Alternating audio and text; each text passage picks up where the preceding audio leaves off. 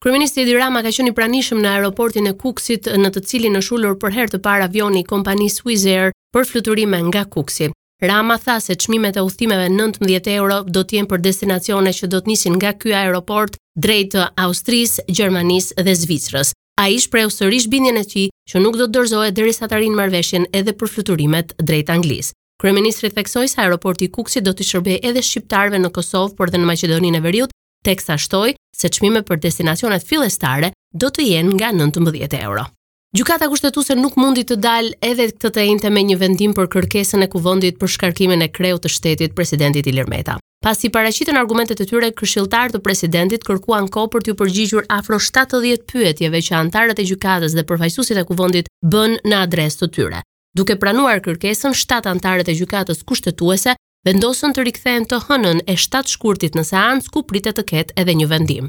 Në parashtrimet e tyre të shtruara në plot 170 faqe, dy këshilltarët e presidentit pretenduan që e gjithë procedura e ndjekur nga Kuvendi për shkarkimin e Ilir Metës ishte një farsë dhe në shkelje ligjore të kushtetusës. Duke nisur që nga mbledhja e Komisionit të Ligjeve ku nuk u respektua detyrimi për t'u dëgjuar presidenti, e deri tek miratimi nga parlamenti i raportit të Komisionit Hetimor. Fakti që ky i fundit u ngrit dhe shtriu punën e tij në 4 muajt e fundit të legjislaturës parlamentare sipas Dervishajt, ishte një tjetër shkelje.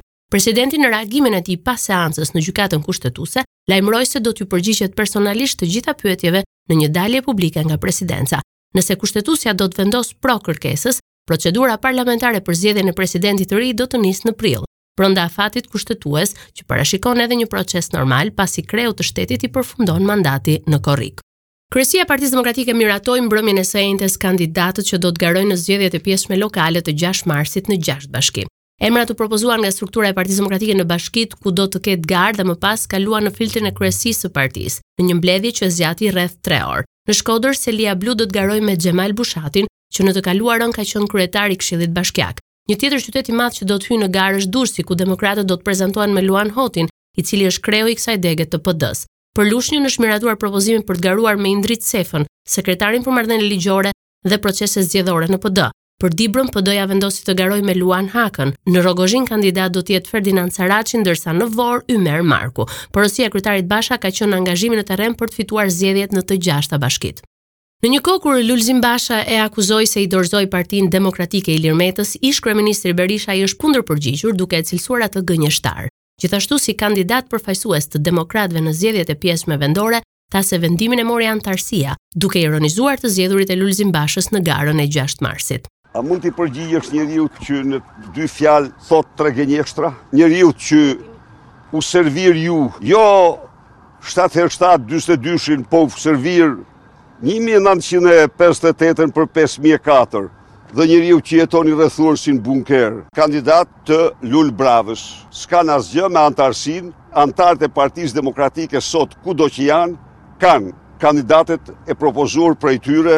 Berisha sërish doli në mbrojtje të banorëve të pesë Majit, të cilët edhe këtë të enjte protestuan para Parlamentit duke e cilësuar mashtrim dokumentin që tha se po u serviret për t'u nënshkruar. Në kundërpërgjigje, zëvendëskryeministri Ahmetaj tha se banorët do të dëmshpërblehen të gjithë për çdo metër katror pavarësisht nëse shtëpitë e tyre janë të legalizuara apo jo. Berisha nuk është ndalur në akuza ku përfshiu jo vetëm kryeministrin Rama, por dhe kreun e opozitës Basha, që sipas tij janë të përfshirë në projektin e portit të Durrësit, duke e cilësuar atë si kapitullin më të zi korruptiv në Europë.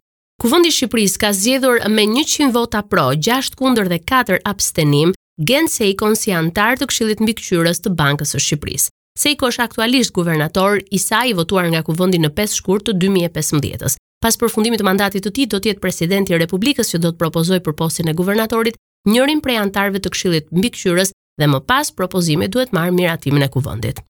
Është shuar këtë të mërkurë në moshën 78 vjeçare aktori Anastas Kristofori apo Shoku Perikli. Studenti i talentuar i Institutit të Lartë të Arteve do të kthehej në një ikonë të teatrit shqiptar, falë lojës së shkëlqyer aktoriale, interpretimit origjinal dhe sensit të lartë të humorit. Anastas Kristoforit iu besuan me dhjetra role si familja e peshkatarit, komunistët, nën dritat e skenës, shkallët e të tjerë. Edhe në kinematografi numëron 7 filma mes tyre dhe personazhin e ekonomatit në filmin Lulëkuqe mbi mure. Artisti i merituar do të prehet përgjithmonë në fshatin e tij të lindjes në Vuno të Vlorës. Raportoi nga Tirana për Radio SBS Gerta Heta.